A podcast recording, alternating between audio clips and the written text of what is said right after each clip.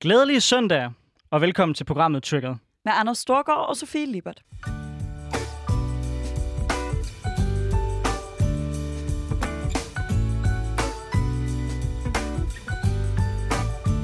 Nå, så er vi tilbage her for at snakke om, hvad der er sket i den, i den, seneste uge. Jeg har én ting på, på, på hjernen, og det er infrastrukturforhandlinger. Jeg skulle lige til at sige altså, nu har jeg talt så længe om, at der skulle komme et eller andet, og nu kom der noget. For at være helt ærlig, så er jeg en lille smule skuffet, fordi forlidet vil strække sig 15 år, og der er ikke nogen store projekter udover det, der lige præcis gavner med det, med det Frederiksen i hendes egen baghave. Så jeg er en lille smule skuffet over, at der ikke sker mere på Kattegat, og metro til Sverige, bro til, til, til, til, til Helsingør og Als Fyn. Der kunne også ske mere. Generelt set lidt en kedelig omgang, synes jeg. Hvad tænker du? Du havde håbet på en Kattegat-bro. Jeg er jo lidt sådan team, team... Nej, hvor vil jeg gerne have et tog over Kattegat. Nej, hvor vil jeg ikke have en bilbro over Kattegat. Øh, så jeg ved ikke, om jeg er, er skuffet eller glad for, at den ikke er med. Nej. Hvad har du ellers lagt mærke til den her uge? Åh, ja. jamen sandheden er jo, at den seneste uge, der har jeg, er jeg øh, gået af som landsforkvinde for SF Ungdom og startet to nye jobs. Så jeg har simpelthen knap nok fået tændt for nyhederne, eller øh, så meget som, som læst en enkelt avis. Så jeg har levet sådan lidt i, i, i et under, underligt nyhedslimbo, men jo stadig med, med efterdønningerne af Dansk Erhvervs øh, årlige øh, forslag om at sløjfe SU'en på kandidaten og gøre den til et lån. Og det er jo altid noget, der kan få venstrefløjen øh, godt i gang på Twitter. Man skulle næsten tro, at de vidste det på forhånd, ikke? Det er, øh, det er et årligt event. Øh, og hver år så øh, kommer det her forslag, og hver år må vi så forsvare SU'en, som vi plejer at gøre. Men Anders, vi skal jo til det. Hvad trigger dig? Nu skal du høre, Sofie. Det, der trigger mig, det er amerikansk, stærkt venstreorienteret race- og kønsteorier, som er ved at snige sig ind på vores universiteter og politisere vores forskning. For selvom jeg fuldstændig gerne vil anerkende, at vi mennesker, vi er fejlbarlige, og derfor aldrig kan være 100% objektiv, så adskiller forskning sig fra det, vi for eksempel laver her, ved at man som minimum bør tilstræbe at være objektiv, når man er forsker. Og det synes jeg, vi skal holde fast i.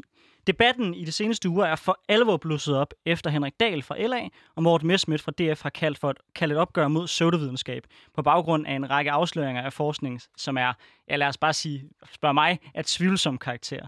Uden at give et længere foredrag for, hvordan de her såkaldte kritiske skoler de hænger sammen, så bygger de ofte på den grundlæggende præmis, at alting er konstrueret og dermed farvet af sine omgivelser.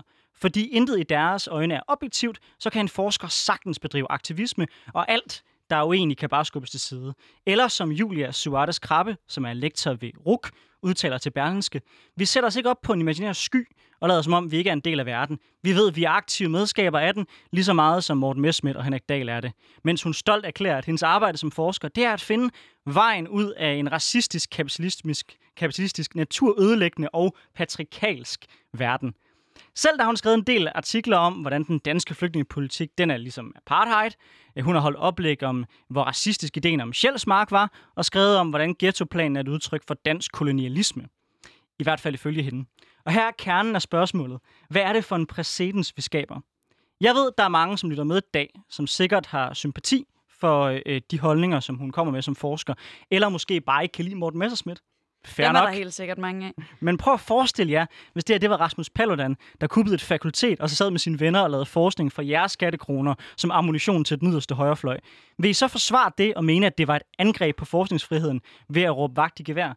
Ærligt, det tror jeg helt sikkert ikke, I vil. Identitetskrigerne på universitetet, de må simpelthen vælge. Enten er deres arbejde politisk aktivisme, og så må de finde sig i også at blive angrebet politisk, ligesom alle andre. Eller også så må de stille de krav, øh, som, eller, eller finde sig i til over for de krav, som vi stiller som til alt andet forskning, nemlig at være objektiv. Og så lade politikere, præster og profeter vurdere, hvem der er de gode, og hvem der er de onde. Hvad tænker du, Sofie? Øh, jamen, jeg er jo grundlæggende uenig med dig, øh, og det kan måske lyde øh, sådan lidt mærkeligt, men for mig at se, så er der øh, god forskning, og der er øh, mindre god forskning. Og øh, god forskning, det er velunderbygget forskning, men det kan også være præget af holdninger. Jeg øh, kan lige så godt komme med en disclaimer, inden vi går i gang med den her debat. Jeg er jo ikke sådan en hum- eller samf-type. Jeg kommer over fra de der fakulteter, hvor, øh, hvor det der med den objektive sandhed måske er lidt nemmere at finde, end det lige er over på samfundsfag. Øh, men jeg har taget hele 45 i CTS, og til jer, der ikke har gået på universitetet for nylig, så svarer det til tre fjerdedele årsværk øh, over på samfundsfag. Og jeg må jo bare sige, der var masser af teorier, jeg var lodret uenig i. Men det er anerkendte, dygtige øh, forskere, der er kommet frem med de her teorier, der har brugt de her teorier. Og så kan man være uenig. Og hvis man synes, at en teori er dårlig, eller noget forskning er dårligt, så kan man lave noget forskning, der modbeviser det. For mig at se, er det i hvert fald ikke politikernes opgave, heller ikke selvom der måtte være en politisk agenda med at lave den forskning, og forbyde, at den bliver lavet. Nej, det er derimod de forskere, der har en anden holdning, der har til opgave at bevise, at deres teori er mere retvisende. Sofie, det tror jeg, vi kan få en rasende stor debat om, bare du og jeg, men øh, jeg har tilkaldt forstærkning, fordi ja, jeg vidste, det her det ville blive, blive noget af en debat. Øh, og med os øh, over en forbindelse, der har vi Rune Selsing, der er, jeg vil nok sige, nationalkonservativ debattør. Jeg ved ikke, hvordan du vil kendetegne dig selv, Rune, men det er i hvert fald sådan, som jeg ser dig. Og du har skrevet, synes jeg, en fremragende artikel, hvor du afdækker øh, specifikt en forskning, der handler om, hvordan at, øh, hvad kan man sige, at øh, debatten om, om bederum, det er sådan et udtryk for dansk racisme. Kan du ikke lige sætte nogle ord på, hvad det var, du afdækkede i den artikel, og hvorfor øh, den forskning bekymrer dig så meget? Jo, det var for at gøre debatten konkret. Øhm, jeg havde skrevet faktisk et par indlæg, både om det generelle problem med, at der er adskillige centre øh, på forskellige universiteter i Danmark, øh, der ikke beskæftiger sig med andet end, hvad man kan kalde sådan identitetspolitik. Øhm, hvor at, at selve præmissen for de her forskningscenter er, øh, er aktivisme. Øh, Øhm, og det er selvfølgelig svært. Øh, hvad er så kvaliteten af det, der foregår? Det kan hurtigt blive en abstrakt diskussion, og så for at gøre den konkret, så tog jeg en, en enkelt artikel øh, med to rigtig erfarne forskere, en professor og en lektor, øh, og så gennemgik jeg den slavisk for at vise, øh, et, hvor værdiløst det er, øh, fordi der var ingen viden i den artikel overhovedet. Øh, der var postulater, der var referencer til deres egne følelser, øh, øh, til mavefornemmelse. Ej, jeg tror ikke, det var ikke ordet mavefornemmelse, men det var det, det betød. Øh, ingen ingen underbygning overhovedet af grundpræmissen øh, om, at de her bederum skulle være udtryk for, øh, eller øh, diskussionen om bederum skulle være udtryk for en eller anden hvid dominant struktur. Øh, og derudover så var der en idé om en, en videnskabelig metode, øh, som de kaldte øh, Øh, ja, jeg kan ikke engang øh, huske, hvad den hedder. Uh, anyways, det var bare, øh, ja, I kan sikkert læse den højt, hvis jeg har det, ligesom uh, hele titlen på, øh, på, øh, på artiklen er frygtelig lang øh, og, og temmelig ulæselig. Men det var bare en metafor. Det var ikke, der var ikke noget videnskabelig værdi i det. Det var sådan set bare en leg med billedsprog. Øh, øh, men som blev pakket ind i forestillingen om, at, øh, at der var videnskabelig værdi i det. Øh, og jeg vil gå så langt som at sige, at hvis man prætenderer, at noget er videnskab, når det reelt alene er leg med sproglige billeder, øh, så er det ikke bare altså, dårlig videnskab, det er simpelthen uredeligt. Men det tror jeg. Øh, nu tror jeg også, jeg prøver sådan at holde det, selvom jeg er glad for, Rune, at du har taget det på et øh, konkret niveau, så når vi taler til øh, lyttere i radioen, som ikke lige kan klikke ind på et link, så prøver jeg at tage den sådan nogenlunde overordnet alligevel, for at vi ikke dykker for meget ned i specifikt den her artikel. Men hvis vi lige skal blive der et øjeblik, så vil jeg jo altså sådan helt grundlæggende sige, hvis ikke der er belæg videnskab og brugt videnskabelig metode, samfundsfaglig, humanistisk eller øh, naturvidenskabelig videnskabelig metode, nej, så er det jo ikke god forskning. Så er det, øh, ja, som du siger, uredelig forskning. Men en ting er, om, om der findes forskning, der er det. Det gør der helt sikkert. Det gør der helt sikkert på mange områder. Det gør der helt sikkert både venstreorienteret og højreorienteret. Øhm, noget andet er, om vi skal gå til angreb på specifikke ting at forske i. Specifikke om det, altså om, vi må, om man må forske i vidhed, om man må forske i køn, om man må forske i de her ting. Om man må have de holdninger inden, fordi jeg kender masser af mennesker, der for eksempel forsker i uddannelse, som jo også har nogle holdninger inden, fordi de har været overvis i vores uddannelsessystem, og de har da en eller anden ønske om, øh, i frustration over et eller andet værktøj, vi bruger, at belyse, at det værktøj ikke virker. Men at gå fra at sige, at det, at der er en holdning, øh, der ligger grundlag for den her forskning, til at sige, at den forskning ikke kan, kan bruges til noget. Den synes jeg er ærgerlig. Rune, Jamen, det er også en, øh, en stråmand. Øh, der er holdninger noget helt andet, og okay. øh, der er jo et intet i vejen med, at forskere er aktive i den offentlige debat, og har alle mulige meninger om, om alt muligt. Øh, jeg synes egentlig, det er glimrende. Øh, så skal jeg bare være med. Altså, det, det, der, det der er, altså, det, for, for det, det er jo selvfølgelig et problem, og det er vi jo så åbenbart enige om, hvis det, der foregår, er, øh, er dårlig forskning, eller ikke forskning, eller pseudoforskning, eller antividenskab, eller hvad end vi vil kalde det. Og det er det, der er udgangspunktet for kritikken. Det er, at der er helt utrolig meget af det, der foregår, især på de her identitetspolitiske øh, centre, øh, som ikke kan karakteriseres som forskning. Øh, de har et aktivistisk formål, men det, de rent faktisk bedriver, kan heller ikke kaldes forskning. Og det er simpelthen ikke i orden, øh, ud fra den øh, samfundskontrakt, vi har øh, med universiteterne om, at vi giver dem en masse frihed.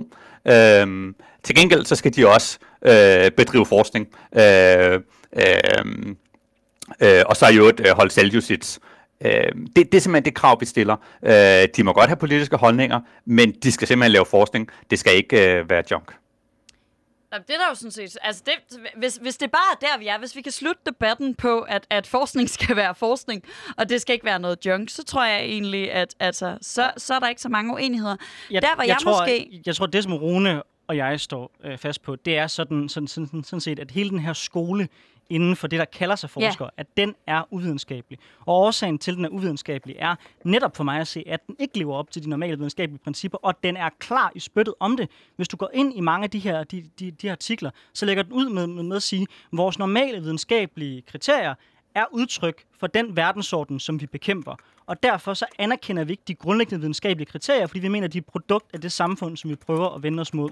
Og det er jo derfor for mig at se, at det ikke er videnskabeligt. Fordi det afviser viden, videnskaben. Fordi den siger, at videnskaben altid er subjektiv, og derfor så bør vi ikke stræbe efter at leve op til nogle, til, til nogle kriterier, for kriterierne i sig selv er racistiske. Det er jo det, der er helt grundlaget for de her skoler, og jeg tænker, det er derfor, Rune og jeg bliver så øh, opildnet af at opleve, hvordan de øh, prøver at gemme sig bag, bag videnskab, for det er det ikke. Det er synsninger, det er holdninger, der afviser de normale retningslinjer for videnskab.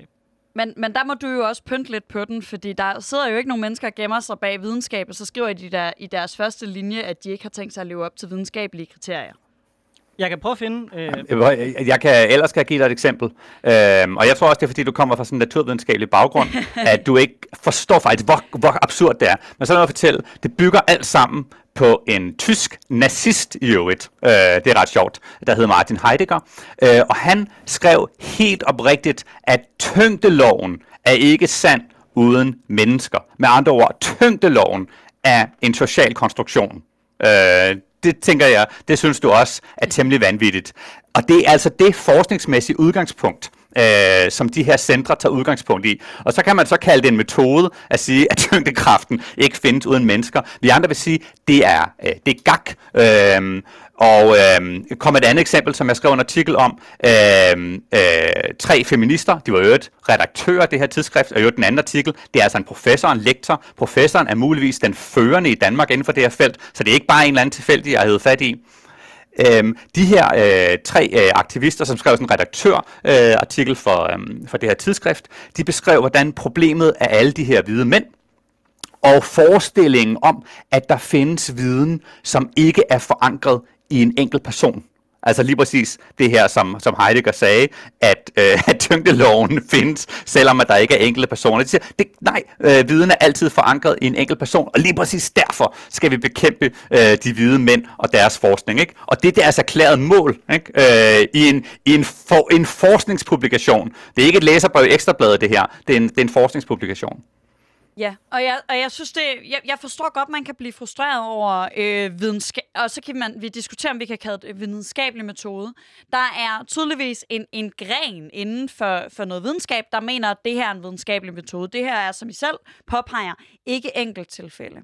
Og der tror jeg måske, jeg vil prøve at føre debatten lidt hen på, jamen hvad er det så, vi gør? I er utilfredse med den her type forskning. I, og I kalder det ikke forskning, men I er utilfredse med det, som de her forskere og redaktører bedriver. Er løsningen på det så at bedrive noget andet forskning, der underkender deres forskning, eller er løsningen at tage en bes- politisk beslutning om, at de ikke må lave denne forskning længere? Rune? Ja, altså, øh, og bare lige for lytterne, for, for de forstår, hvor langt ude det er.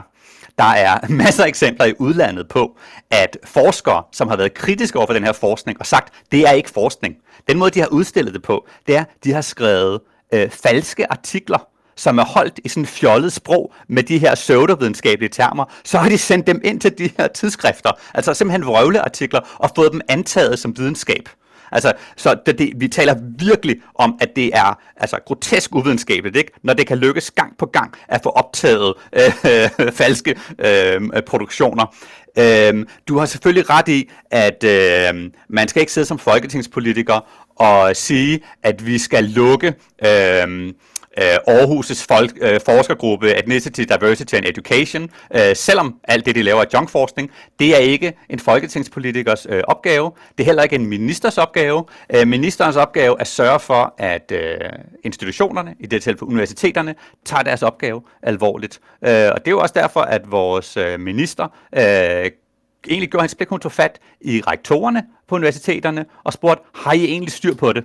Øh, gør I det godt nok? Øhm, og lad os så se, hvad der kommer ud af det. Øh, nu må vi håbe, at, øh, at rektorerne de løfter deres øh, opgave, og igen taler med deres øh, øh, dekaner, institutledere osv., og så lige igennem, har vi noget, har vi nogle lommer, hvor at det, der bliver bedrevet, det simpelthen ikke har noget med videnskab at gøre, og så får vi lige øh, øh, ryddet op. Øh, og det kan være, at der er nogle udmærkede mennesker der, som kan øh, rent faktisk kan bidrage med noget forskning, men de skal uden for, øh, de skal uden for den her øh, øh, tradition. Der er altså også en tendens til, at de her miljøer er så lukkede, at, øh, at de gejler hinanden op, øh, og de selvrefererer øh, deres artikler, så, så de befinder sig i sådan en lille ekokammer øh, i deres egen sandhed, og vil ikke diskutere den offentlige, de vil ikke være med i den offentlige debat, øh, de vil bare gerne leve sådan en beskyttet tilværelse, hvor det bliver mere og mere skørt for hver dag, der går. Jeg spurgte faktisk også hende, øh, forskeren, som du kritiserer, om hun ønskede at medvirke i det her program. Hun svarede, at hun ikke havde noget behov for at diskutere med dig. Øh, så det synes jeg måske også vidner om, at der i hvert fald fra forskningens side ikke er en interesse i at indgå i den her debat. Nu hvad hedder, spørger du, Sofie, øh, hvordan øh, jeg mener, at man, at man bør gribe, gribe det her an. Altså, jeg synes jo bare, det vi har en debat om det til at starte med, er rigtig afgørende, at nogle af de her ting bliver belyst. der ved jeg godt, der er mange, der råber, at nu bliver de frie den frie forskning angrebet. Men jeg synes, når noget er så politiserende, som det de laver, øh, så synes jeg faktisk, det er vigtigt, at man har den debat i vores samfund, så man også ved, at der er, at der er en fokus på det. Fordi for eksempel de to forskere, som, som øh, står bag det indlæg, som, som, som Rune han, han nævner, jeg var inde og kigge på deres CV, mange af dem sidder jo i de organer, der godkender ny forskning de sidder og siger thumbs up, hver gang der kommer nogen, som så laver en, en analyse, som er i deres retning. Jeg synes, at det er ærgerligt, at de ikke ønsker at slå op i, i, i en debat som det her, og prøve at forsvare, hvorfor at det, de står for, rent faktisk er noget vigtig forskning, der bidrager noget til vores samfund. Altså, hvis det bliver sådan en lukket cirkel på universiteterne, hvor man, synes jeg, fastholder en ret til at kalde alle andre for racister, patrikalske røvhuller, jeg ved kraftet ikke hvad, så må man da som minimum stille sig op og forsvare det. Jamen, jeg tror egentlig ikke, jeg, øh, jeg har noget imod en, en offentlig debat omkring forskning. Jeg tror til gengæld, at jeg anerkender fuldt ud, at det er meget specielt at, at bedrive... Øh, at, at gå på arbejde, og så få kritiseret sin arbejde, og så få forventet, at man har lyst til at tage en debat øh, på nogle andres præmisser. Øh, så jeg tror ikke, jeg vil stå her og kritisere nogen for ikke at stille op til en debat. Men jeg synes det er altid, det er godt at, og, hvad hedder det, øh, at diskutere den her slags. Jeg tror bare også, jeg bliver sådan en lille smule, fordi nu fik jeg jo løftet sløret for, at jeg har været et lille øjeblik over på statskundskab. Øh, det er ikke, fordi jeg læst statskundskab. Jeg har læst samfundsfag. Øh, noget helt andet. Øh, har haft en lille smule almen statskundskab. Altså også læst nogle artikler, hvor min, øh, mine naturvidenskabelige øjne fik lidt ondt, øh, hvor man begynder at argumentere for, at øh, højere nationale holdninger kan, kan hvad hedder det, øh, kan sådan, øh, stamme fra nogle biologiske, hvad hedder det, reaktioner, som minder om et immunforsvar og sådan noget, hvor jeg også tænkte, den her, den skal du skulle lidt længere ud på landet med. Øhm, og, og det er ikke for at stå her og underkende de specifikke forskers øh, arbejde, men jeg tror også, jeg oplever det lidt som om, at den her debat kommer vældig meget op, hver gang der bedrives øh, forskning, som højrefløjen synes er træls, og højrefløjen synes er uenig, og meget lidt op, når vi for eksempel... Øh, snakker økonomisk forskning, som, let's face it, ret sjældent er venstreorienteret. Jamen altså, ja, jeg, og jeg, jeg, jeg mener på ingen måde, at de to ting er sammenlignelige, fordi økonomi, så kan du være uenig i det økonomiske paradigme, vi er i. Du kan som øh, PGT, så kan du skrive nogle bøger om, at du er uenig i det, og det er også rigtig fint, at man har de debatter med, men økonomer tager trods alt udgangspunkt for, at det, de laver, det kan måles, det kan testes, de tager udgangspunkt i, at de har nogle grundlæggende retningslinjer, de retter sig efter. Når man ser på den kritiske skole, jeg er statskundskaber, øh, og jeg jeg har øh, desværre blevet sunget til at øh, have rigtig, rigtig mange timer, hvor jeg skulle lære om det, så er det netop en afvisning af, af, af alle de krav, der er ellers. Jeg prøvede for sjov, fordi jeg var pisse træt en eksamensopgave, og så prøvede at skrive inden for den kritiske skole, for at prøve at se, hvordan vil det egentlig gå. Det jeg reelt gjorde, det var, at jeg sad reelt set bare og motivanalyserede alt det, som andre mente. Jeg sagde, liberalisterne, som, øh, som, som øh, som hvad hedder, står for, at hvad kan man sige, den vestlige verden og demokrati er, er, er udbredelse. Det var bare et udtryk for, at USA, de har siddet og fundet en masse forskere, der ønskede, at USA's magt skulle øges, og så videre, og så videre. Bare anklage alt, alt og alle for at, være, for at have nogle skumle, skumle motiver jeg fik en ganske fin karakter, fordi se hvor kritisk og edgy jeg er. Altså det er det, den skole er. Det er i virkeligheden bare en, hvor end resten af verden er, så placerer vi os på den modsatte side og afviser fuldstændigt alle de kriterier, alle de normale retningslinjer og krav, der er for, for en forskning. Det er derfor, den her skole er så anderledes. Jamen, det, det sjove er, at jeg synes ikke, den lyder vildt anderledes end øh, de der Kåre Strøm-teorier, man bliver præsenteret for i Pol Intro. Altså, det var da godt nok også bare motivspekulation fra dag 1 til, til man så afleverede en opgave om, hvorfor Socialdemokratiet havde rykket sig på udlændingepolitikken. Øh, men, jeg tror, videnskabelige kriterier er vigtigt, men jeg synes altså også, det er vigtigt, at vi har nogen til at udfordre den måde, vi laver vores samfund altid. Altså, jeg synes ikke, at noget nogensinde skal stå uudfordret. Og derfor er det også meget fint, at det her bliver udfordret, men jeg synes også, det er meget fint, at det her er her til at udfordre den måde, vi traditionelt har bedrevet videnskab på. Og det betyder ikke, at man nogensinde i min verden må lave noget, der er uunderbygget. Men jeg mener helt grundlæggende, at der er en værdi i, at der er nogen, der tager det her op til revision. Og jeg skal ikke stå og kloge mig på, om specifikke forskere øh, har, har gjort det ene eller det andet, fordi jeg har en bachelorgrad. Og havde jeg en kandidatgrad, ville jeg heller ikke stå og kloge mig på det. Øh, men jeg tror grundlæggende, at vi bliver nødt til at, at være åbne over for, at der kan blive bedrevet forskning, som vi måske er uenige i indholdet af, vi er måske uenige, men vi kan også være lodret uenige i metoden. Og løsningen på, at der bliver bedrevet forskning, vi er lodret uenige i metoden af, eller indholdet af, eller konklusionerne af, det er at lave noget andet forskning, der øh, modsiger det, der øh, modarbejder det, der modbeviser det. Rune? Ja, altså, det, det er jo øhm, i forhold til alle de her vidhedsstudier for eksempel, der er jo ikke nogen, der beskæftiger sig med vidhedsstudier, som ikke øh, mener, at... Øh, at for eksempel islamkritik er udtryk for racisme. At det er simpelthen sin egen lille lukkede verden. Øhm, øh, så det, det, er, det er simpelthen for naivt. Øh, det, kommer ikke til at, det kommer ikke til at ske. Og desuden øh, er det ikke kun øh, forskere, der skal holde justits med hinanden. Det er altså også ledelsen på universiteterne, der skal sikre sig, at det, der foregår rent faktisk, øh, er forskning. Hvis du nu tager det her eksempel med, øh, med økonomi, det er tilfældigvis sådan, at jeg har læst nationaløkonomi, øh, inden jeg læste øh, filosofi, så det har jeg også øh, øh, hvad hedder det, en baggrund indenfor. Øh, for det første, hvorfor er der ikke nogen, der kritiserer alle de højorienterede forskere? Det er fordi, der næsten ikke er nogen. Øh, det er vel mere end 80 procent på universitetet, der er venstreorienteret. Øhm, på økonomi er professorerne øh, i øvrigt først og fremmest socialdemokrater. Øhm, det er sådan en lidt underlig forestilling, man har på venstrefløjen, om at de skulle være enormt øh, højorienteret øh, ude på, øh, på, på nationaløkonomi. Det er de, øh, det er de ikke.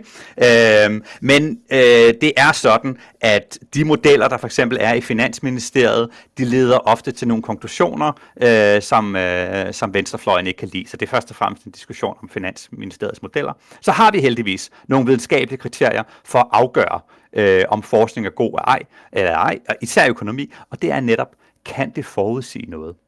Hvis det kan forudsige noget, så har det videnskabelig værdi. Hvis det ikke kan, så har det ikke. Det er en herlig måde at efterprøve noget på. Ikke? Øhm, øh, og, og det gør økonomer så hele tiden. Ikke? Øhm, øh, og, øh, og der er en, en hissig debat øh, øh, mod hinanden. Det der er problemet, det er de her øh, centre, fordi vi taler altså om grupper af forskere, som i øvrigt så kun taler med andre centre rundt omkring i verden. Der er små lille ekokammer, øh, hvor de bekræfter øh, hinandens holdninger, øh, og det de laver har grundlæggende ikke noget med forskning at gøre. Det er vi som samfund simpelthen ikke interesseret i. Vi vil gerne have, at vores universiteter beskæftiger sig med videnskab, ikke øh, antividenskab.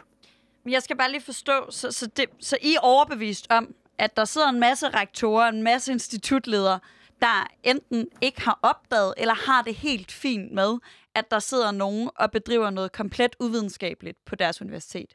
Nej, øh, det, det, det jeg har et indtryk af, det er, at der er nogle øh, rektorer og nogle, og nogle folk ude, ude, ude på universiteterne, der generelt har en holdning, sådan en hands-off holdning. Så er der opstået en, en skole, der er inspireret rigtig, rigtig meget af amerikansk identitetspolitik, der er stukket fuldstændig af.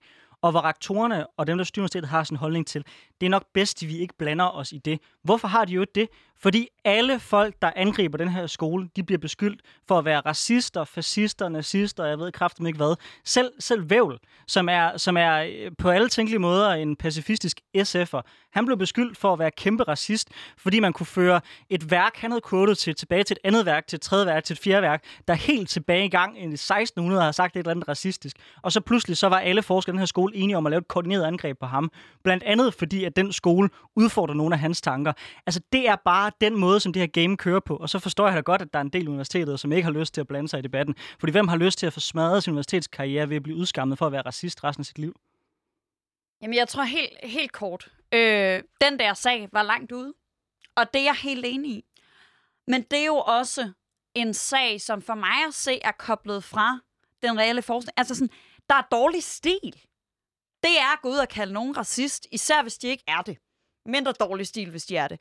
Øhm, det er ikke den forskning. Det kan være, det er nogle lortede mennesker. Jeg har, øh, ej, jeg har faktisk primært haft virkelig søde øh, Men Sofie, forelæsere. det var en forskningsartikel, som blev peer-reviewet. Den, den blev godkendt og bragt i, i, i, i et videnskabeligt tidsskrift. Og jeg, og jeg anerkender. Det er jo ikke en forskningsartikel, hvis konklusion er, at Ole Vævel er racist. Basically jo. Det er en forskningsartikel, så vidt jeg har forstået, hvis konklusion er, at der ligger nogle racistiske tendenser bag noget af det, som er, er brugt her. Det kan man være uenig i. Det kan man bruge et andet begreb for racisme. Det kan man så meget.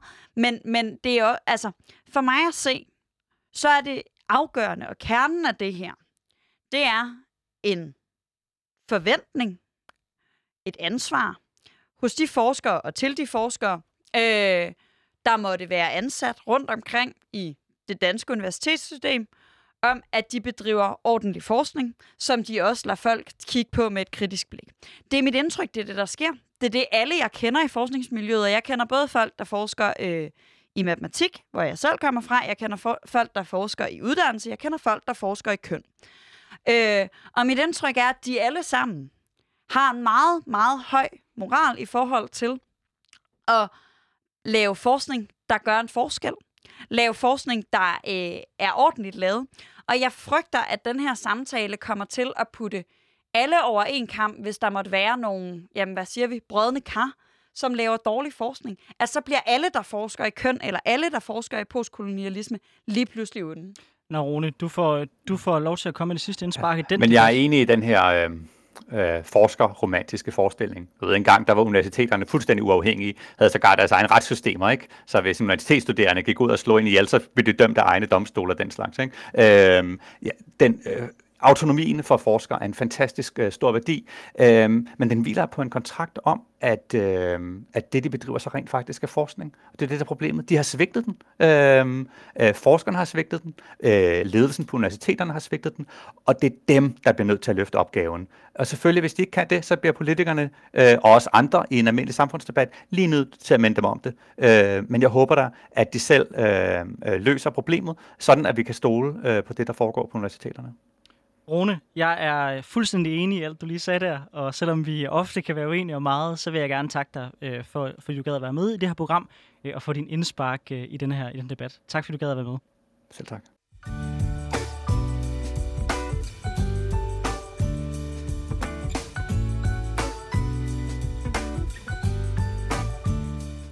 Nå, i første halvdel, der fik vi taget øh, debatten om, hvad der sker på universiteterne, om forskning, og hvad der er objektivt, hvad der er subjektivt. Men det er jo ikke det eneste, der er sket i den her uge. Der er også sket en masse andre ting. Ja, øh, jeg, jeg, nej, men jeg tror bare, jeg lige ville starte med at sige, at det her, det er jo nok, vi tager mange debatter, hvor vi er vildt enige. Når det kommer til sådan hele debatten om identitetspolitik, så tror jeg, at det er det punkt, hvor Anders og jeg, vi er aller, allermest lodret uenige. Men i det her uge, i, i det her uge, i den her uge, der er der jo sket øh, rigtig spændende ting. Der Ja. ja. har faktisk været et valg. Så øh, hvad trigger dig? Jamen det gør, at der nok er nogle af vores lyttere, der ikke har hørt om det her valg. Øh, fordi det her valg er et ret vigtigt valg øh, for os øh, som, øh, ja, som danskere. Øh, fordi det er et valg på Grønland. Men jeg tror for en gang skyld, at der er flere, der har hørt om det, end der har været de sidste mange gange, der har været valg på Grønland. Men det, der egentlig trigger mig, det er valgdækning generelt. Og det er, hvordan vi øh, i, i danske medier, der er jo lidt... Øh, det modsatte af ananas i egen juice lige nu, ris til egen krop. Øh, simpelthen øh, har en underlig prioritering af, hvilke valg, der er vigtige. Vi har vældig meget dækning af folketingsvalget. Øh, vi har en vis mængde dækning af Europaparlamentsvalget og kommunalvalget, men i virkeligheden jo mere dækning af det amerikanske valg, end vi har af, af valg, der har noget at gøre med os selv. Og så et eller andet sted under alle de her valg, der har vi så øh, tyske valg og det britiske valg, og en eller anden grund på cirka samme niveau som de her lande, vi godt nok ligger relativt tæt på, men ellers ikke rigtig har noget at gøre med, har vi så øh, det grønlandske valg som jo er en del af rigsfællesskabet, og som vi jo har meget mere at gøre med, øh, end vi har med, med, med Tyskland og øh, England, og som jo er en del af, altså bør være en del af vores medievirkelighed, øh, jo i virkeligheden øh, nok på samme niveau som et, et, et Jamen højere end et kommunalvalg. Altså, jeg synes, det er vildt ærgerligt, at når der er valg på Grønland, så ved man aldrig rigtig, øh, hvad det er, der er det afgørende. Man ved ikke rigtig, hvad partierne hedder. Man ved ikke rigtig, hvem der står til øh, at få magten. Og så i år er det gået lidt bedre. Jeg har så hørt flere, af, øh, flere dage med p Morgen, men jeg synes stadig, der er lang vej til en værdig dækning af et valg, som jo er en del af vores rigsfællesskab. Ja, jamen jeg er faktisk fuldstændig enig med dig, og det er dejligt, efter lige har have haft sådan en debat, vi har været uenige om så meget. Øhm, jeg synes jo, at ja, første skridt til at have et reelt velfungerende rigsfællesskab, der er jo også, at vi øh, taler både om og med hinanden væsentligt mere, end vi gør i dag. Hvor det jo nærmest, føler jeg, lidt er sådan, øh, så de debatter, der foregår på Grønland, dem har vi overhovedet ikke noget indtryk i, øh, hvad, der, hvad, der, hvad der sker. Og det synes jeg er problematisk, fordi det er jo netop, netop en del af vores rigs, rigsfællesskab. Men du har taget en med, der kan gøre os klogere på, hvad der er sket deroppe. Ja, fordi når, jeg, når, når det, vi er triggeret over, det er, at medierne ikke har nok fokus på noget, så kan vi jo heldigvis selv løse det. Øh, så jeg har inviteret Aki Mathilda Høgh Dam med, som sidder i Folketinget øh, for Siumut, øh, som er det socialdemokratiske parti på Grønland. Øh, og velkommen til, Aki Mathilda. Du er på Grønland lige nu. Ja, tusind tak. Jamen, det er jeg. Og du har været, hvordan har du øh, fulgt valget de sidste par dage og været til øh, valgfest og den slags ting? Ja, det har vi. Jeg har fulgt med hele vejen igennem. Nu sidder jeg også i Siumuts hovedbestyrelse, så der er en del, jeg har fulgt med i på tæt hold. Hvad har været de vigtigste debatter, der har rørt sig op? Altså i Danmark, der er det eneste, man har talt om, der har været et, et emne, det har jo været hele det her spørgsmål med, med minefeltet. Men, men har der været andre debatter, der har rørt sig derop? Jo, altså man har snakket om øh, rigtig mange emner, der står befolkningen nært. Og det er jo overraskende nok ikke de her store projekter, eller ikke så overraskende nok. Fordi det er jo også kommunalvalg og øh, inatsisartut-valg, altså parlamentvalg på samme tid. Det er jo ikke rigtig sket før. Øh, og på den måde har der både været alt for mange, der stillede op på samme tid, men også meget forvirrende at skille de to sammen øh, fra hinanden. Så i Sydgrønland har man jo snakket blandt andet om øh, andre måder at udvikle landbruget på, forholderi. I Nordgrønland har man snakket meget om, at der ikke er nok, der rydder sne.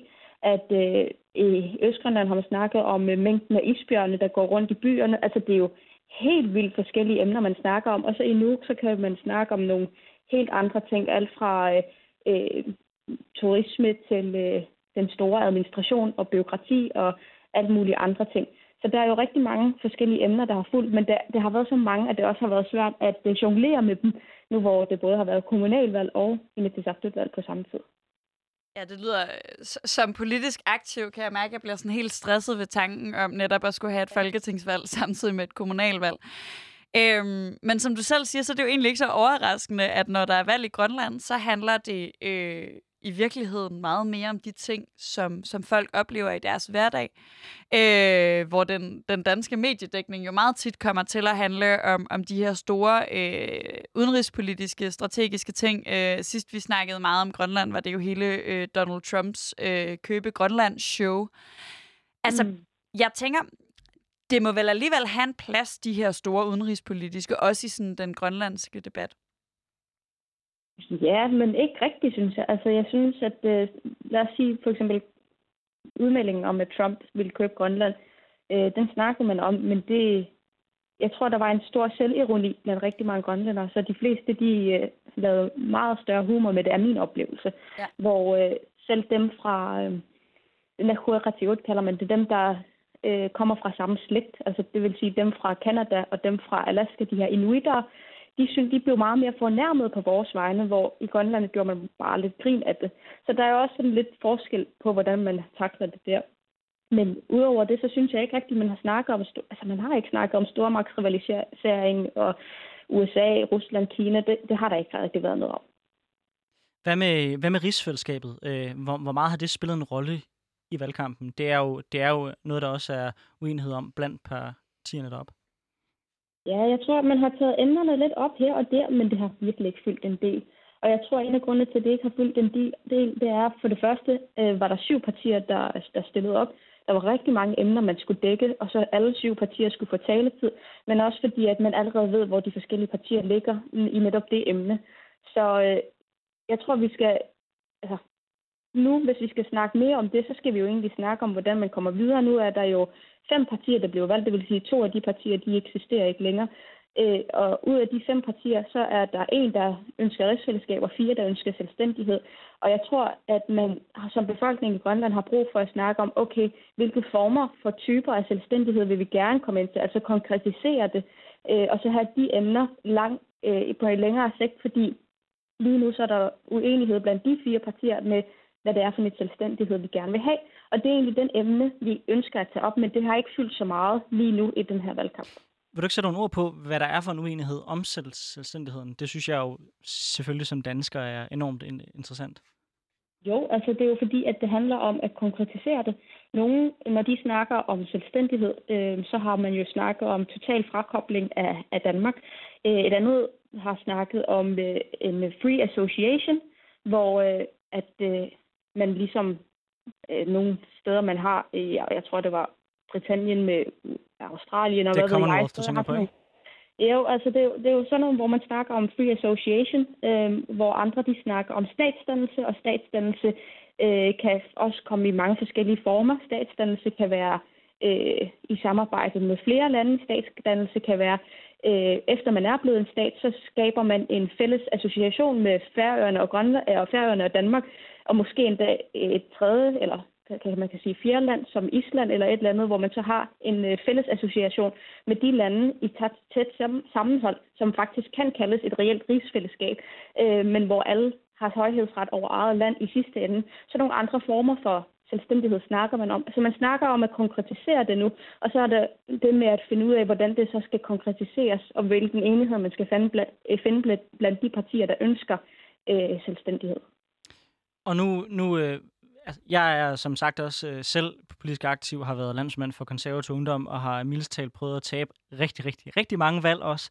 øh, så jeg ved godt, at, at det kan godt tage lidt tid, både at reflektere og også, også komme videre i den proces bagefter. Øhm, men hvis du sådan generelt skulle lave en analyse af, hvorfor tror du, at øh, det måske er gået knap så godt for jeres parti den her gang? Hvad, hvad har været de afgørende emner, øh, hvor, man, hvor man måske er faldet, faldet bagud? Øh, har du gjort dig nogle overvejelser om det endnu?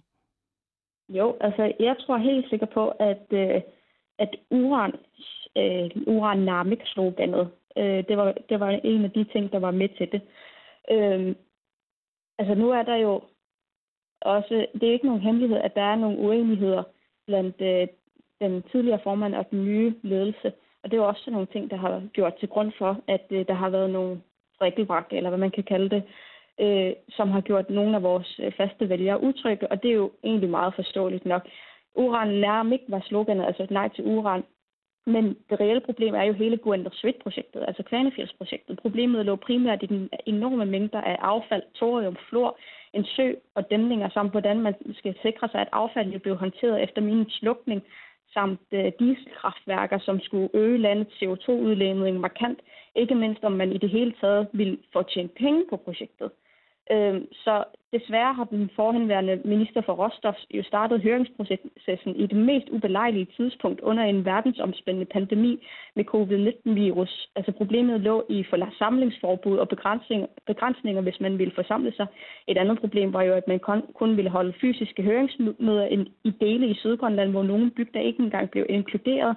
Øh, ikke engang hovedstaden nu blev inkluderet, hvor de fleste mennesker bor, og administrationen ligger øh, og ikke mindst Grønlands Universitet og Naturinstituttet. Så på et tidspunkt kom der en joke, der hed øh, Savabbombe. Altså Savab betyder jo øh, forbombe. Så lige efter den udtalelse, så fandt politiet ud af, at der nok ikke taler om en reel trussel, fordi så er et udtryk for at uh, kaste forlort på ministeren. Men alligevel udbliver ministeren og ikke mindst Naalakkersuisut fra høringsmøderne, hvor der i loven er krav om, at man deltager ved høringsmøderne. De sender så embedsfolket afsted, som heller ikke giver mening, for hvis Naalakkersuisut vil frygt, altså virkelig frygtede for deres liv, så er embedsfolkenes liv der lige så meget værd. Så som de fleste ved, så har alle partier jo godkendt den her råstoflov. Øhm, og selv IA, som nu er det førende parti, godkendte jo også, at man kunne efterforske ved Gwen Men der ligger også en indledende aftale om, at man til enhver tid skal kunne stoppe efterforskningen, men vi ved ikke, hvilke forudsætninger, ikke engang i Siumut vidste vi, hvilke forudsætninger, aftaler, kutumer, grundsætninger. Øh, altså, vi var ikke blevet informeret nok, ikke engang af vores eget partis øh, forhåndværende ledelse, hvilket også gav utryghed internt i partiet, hvilket er helt forståeligt. Så da vi fik en ny ledelse, så både det med, at råstofministeren ikke engang overholdt deres eget lov, øh, og vi læste, VVM og VBS-rapporterne, øh, og man kan jo se i de her rapporter, at der er store udfordringer, som øh, vi så har kritiseret, hvor man for det første giver indblik på, at nej, det er for farligt, der er for store risici, øh, men det er egentlig op til den enkelte politiker og sådan noget, at altså, skal man beslutte, om hele processen så pludselig stopper. Og, så al den her debat har jo ført til, at vi overhovedet fik et valg i utid. Øhm, også fordi vores tidligere formand øh, ønskede, at man bare fortsatte den her ledelsesstil, hvor i, øh, i, i den nye Simut-ledelse ønsker man mere åbenhed om projektet, og det er jo det, der fører til valget. Så den her uenighed omkring Gunder-projektet er jo det, der førte både til valget, men også til, at øh, vi mistede øh, flertallet for Inatsisartut, men selvfølgelig er vi glade for, at vi har faktisk utroligt nok fået, selvom man taber øh, valget i sidste ende, så fik vi et ekstra mandat, end vi gjorde ved sidste valg. Ja, øh, og lige netop det, jeg tror lige, jeg vil opklare for, for lyttere, der måske ikke har hørt, at, at det, der er sket, det er, at, at der er et andet parti end Siumut. Siumut er et socialdemokratisk parti, øh, og så er der det parti, der øh, forkortes IA, øh, øh, sådan går, Ja, lige præcis. Men som sådan i folkemunde går lidt øh, øh af, efter forkortelsen, øh, som ligesom er overhalet. Så det er ikke fordi, det daværende regeringsparti er gået tilbage. Det er fordi, øh, et andet parti er gået enormt meget frem. På den måde ligner det jo i virkeligheden øh, valg, vi kender fra en dansk kontekst, hvor vi også har oplevet, at, at Venstre går frem, men mister magten og sådan nogle ting. Øh, men jeg kunne egentlig godt tænke mig også sådan lige nogle af de andre ting, fordi jeg er en kæmpe uddannelsespolitisk nørd, og jeg har hørt rygter om, at der også har været en del uddannelsespolitik. Og de fleste grønlændere, jeg kender, det er jo øh, folk, der er kommet til Danmark øh, for at læse, enten øh, sådan på, øh, hvad hedder det, øh, videregående uddannelser, men også gå på efterskole og den slags ting. Og jeg kunne egentlig godt tænke mig at høre øh, dig, Aki Mathilde, om du sådan hvad er det, man diskuterer, når man diskuterer uddannelsespolitik i Grønland? For jeg, jeg, jeg, har, en, jeg har sådan en idé om, at man kunne have lyst til at bygge en del mere øh, sådan, ja, uddannelsessystem op øh, i, i en grønlandsk kontekst. Mm. Jo, men altså for det første, så handler det jo, og blandt andet nu havde vi jo også om øh, kommunalpolitik, i øh, uh, Avalnata kommunen ja, så har man jo blandt andet snakket om, at vi, man også skal have en, øh, en en videregående, nej, kan man ikke kalde det en videregående uddannelse, en slags gymnasiel niveauuddannelse, hvor øh, det også er tilpasset til Avanade Kommune. Avanade Kommune, det er jo den kommune, der er længst nordpå, øh, og den dækker over altså Tule, altså Ranar og øh, Umanak og øh, de her fiskernationer, kan man kalde det, fiskerbyerne, øh, fangerbyerne, og at der skal være nogle uddannelser, der også er tilpasset det, som man lærer om sikkerheden til søs, som man lærer om øh, øh, økonomi, som man lærer om salg, øh, som, er, som også er tilpasset de forskellige steder, man er i. Blandt andet også i Østgrønland, hvor man også tilpasser til Østgrønland, i øh, Sydgrønland, så man også passer til Sydgrønland, ud fra de steder og den geografi, man befinder sig. Grønland er jo et enormt øh, sted med, med, med forskellige tidszoner. Jeg tror, der er tre forskellige tidszoner, tre forskellige dialekter, Øh, I Sydgrønland så kan man have op til 25 grader varme, eller op til 30 grader varme om sommeren, men op i Nordgrønland så har man til minus 30 grader om vinteren, øh, helt op til måske minus 40. Så det er jo et enormt stort areal, man også skal tilpasse ud fra, hvor man er. Og så har man blandt andet også snakket om, at de uddannelsessteder, der skal være, de skal også være tilpasset de forskellige befolkningsdele, der bor i de forskellige steder det lyder jo vildt fornuftigt, og jeg, jeg kan mærke, at jeg bliver sådan helt... Man, man, jeg kommer sådan til at tænke på, hvor meget man i dansk kontekst kan snakke om, at der er langt fra land til by og sådan nogle ting. Hvor meget mere reel en debat det er at have øh, i Grønland på et areal, som du ja, beskriver altså der. det får, det får jo for, for lidt hele den danske debat om udkants Danmark til at virke en lille smule latterlig, vil jeg sige. Vildest talt. ja, ja det, det kan man jo sagtens sige. Altså det er jo der, man skal jo tage enten en, øh, en båd eller en helikopter eller en flyver for at komme fra den ene by til den anden. Altså så er meget isoleret på den måde. Øhm, og det er også derfor, at man kan sagtens have sådan nogle små subkulturer i hver by og bygd. Øh, og det skal man jo også tage højde for, også når man laver lovgivning, at øh, for eksempel hvis man skal lave lovregulationer, der gælder hvilket slags huse man kan få lov til at bygge, så kommer det også an på, hvis man bor i Østgrønland, hvor man har bitteret stormvær, som er noget af det mest vilde stormvær, man kan øh, forestille sig, øh, eller om man, om man bor i andre steder, hvor det bare er minus 40 grader om vinteren, og andre steder, hvor det kan blive meget regnvejr osv. osv. Så det er også nogle ting, man skal tage højde for. Jeg kan godt tænke mig at føre debatten lidt over på, øh, hvad kan man sige, Grønland fra et dansk perspektiv nu. Øh, hvis man, lad os sige, som dansk politiker eller som dansker øh, øh, hvad kan man sige, kigger til Grønland.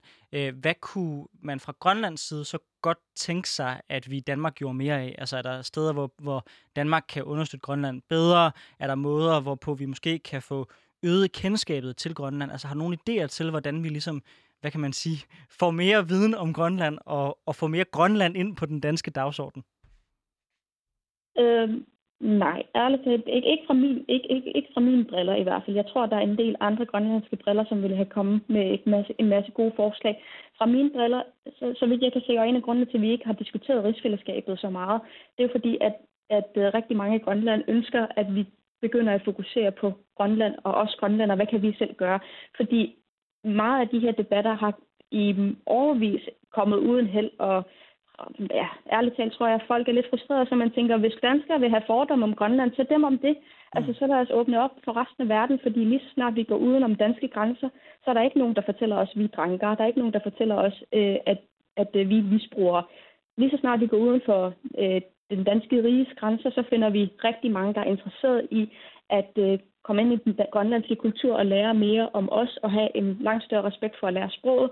Så det er man meget interesseret i at åbne op for, og jeg tror, at det er lidt der, den ligger. Men jeg tror også, der er rigtig mange organisationer, især grønlændere i Danmark, som, øh, som har brug for den her dialog. Så hvis der er nogen inter- interesse for at udvikle det, så snak med de mange, mange grønlandske foreninger øh, og organisationer, der er i Danmark, og snak med dem hånd til hånd, fordi der er også nogen, der altså, der på lige fod med andre danskere øh, går til folketingsvalg øh, og går til kommunalvalg og er også en stor del af den danske vælgerskare. Jeg tror, der er omkring 17 eller 16.000 grønlændere bare i Danmark, som man også skal øh, værne om.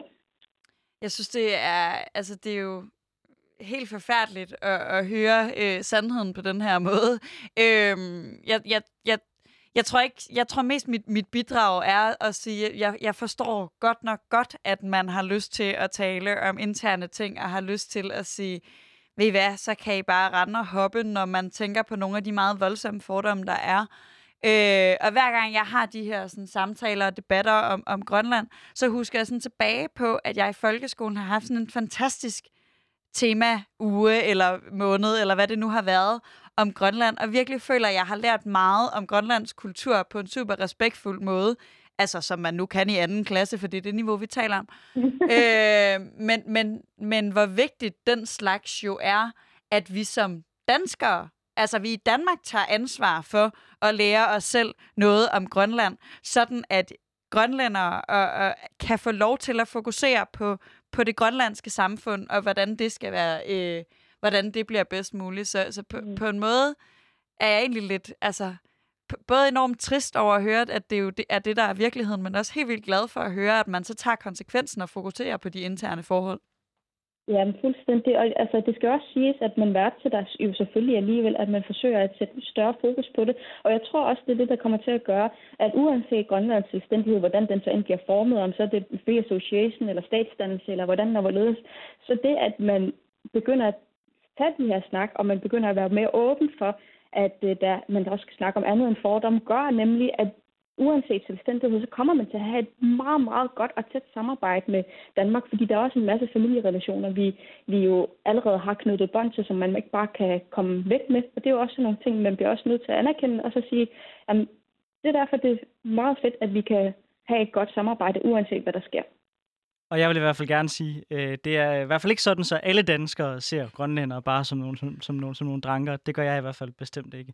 Tusind tak, fordi du vil, vil være med, og tak, fordi du vil gøre os klogere øh, på debatten i Grønland, øh, og også en lille smule øh, øh på, på, på forholdet mellem Grønland og, og Danmark. Tak, fordi du var med. Ja.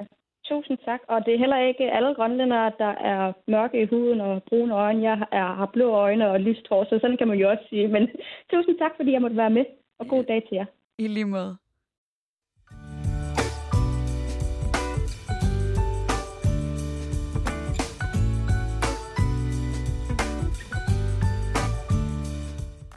Hvor var det fedt at lære en masse om øh, sådan de grønlandske forhold. Jeg synes, det er... Altså, jeg, den der temauge fra min barndom har altså virkelig siddet dybt i mig i mange år.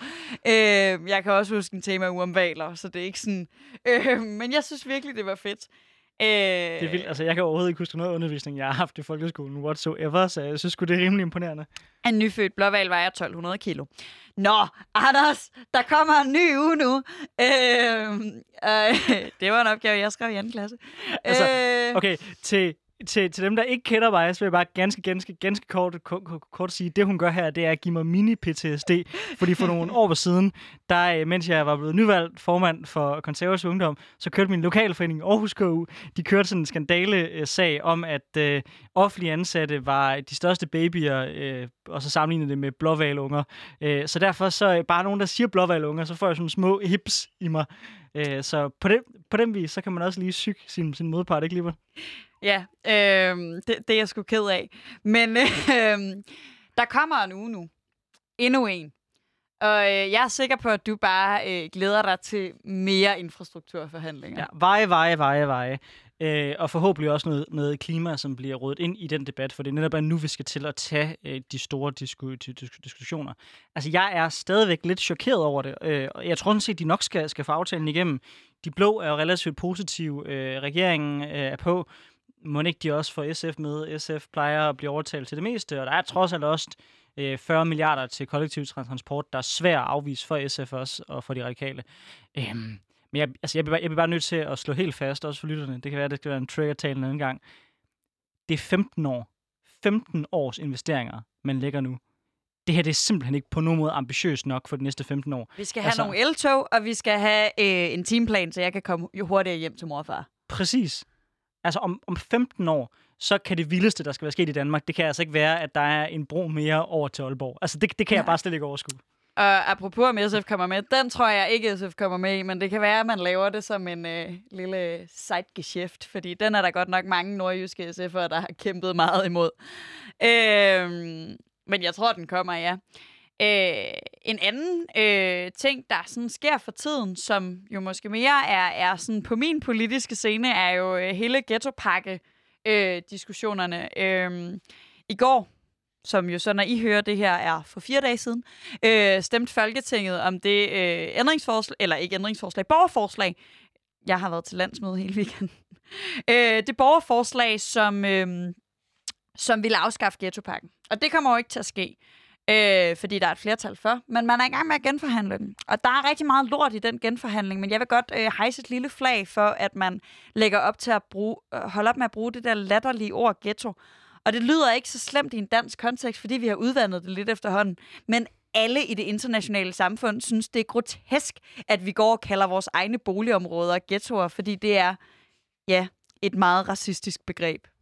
Vi må se, om øh, SF så springer, springer fra i den her omgang. Øh, I var jo ret meget på sidst. Øh, en anden ting, jeg er også spændt på, det er selvfølgelig landbrugsforhandlingerne, hvor jeg kunne se, at NFF, som er slagternes fagforbund, de var ude og sige, at de håber virkelig, Venstre med i landbrugsaftalen. Øh, og for mig er der to ting, der griner med ved det.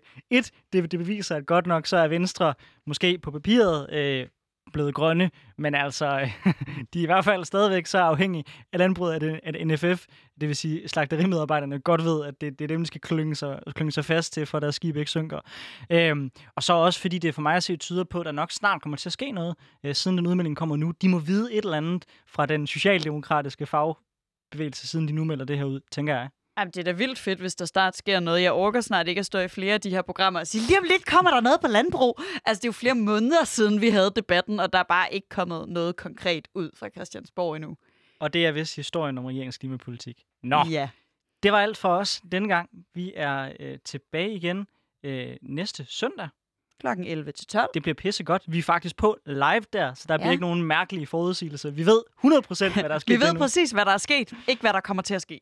Og som den her debat, vi har haft i dag, forhåbentlig også bærer præg af, så skal man huske øh, at tale pænt også til dem, som man er rasende uenige. i. Det har, vi har i hvert fald haft en god debat her i dag. Tak fordi I lyttede med.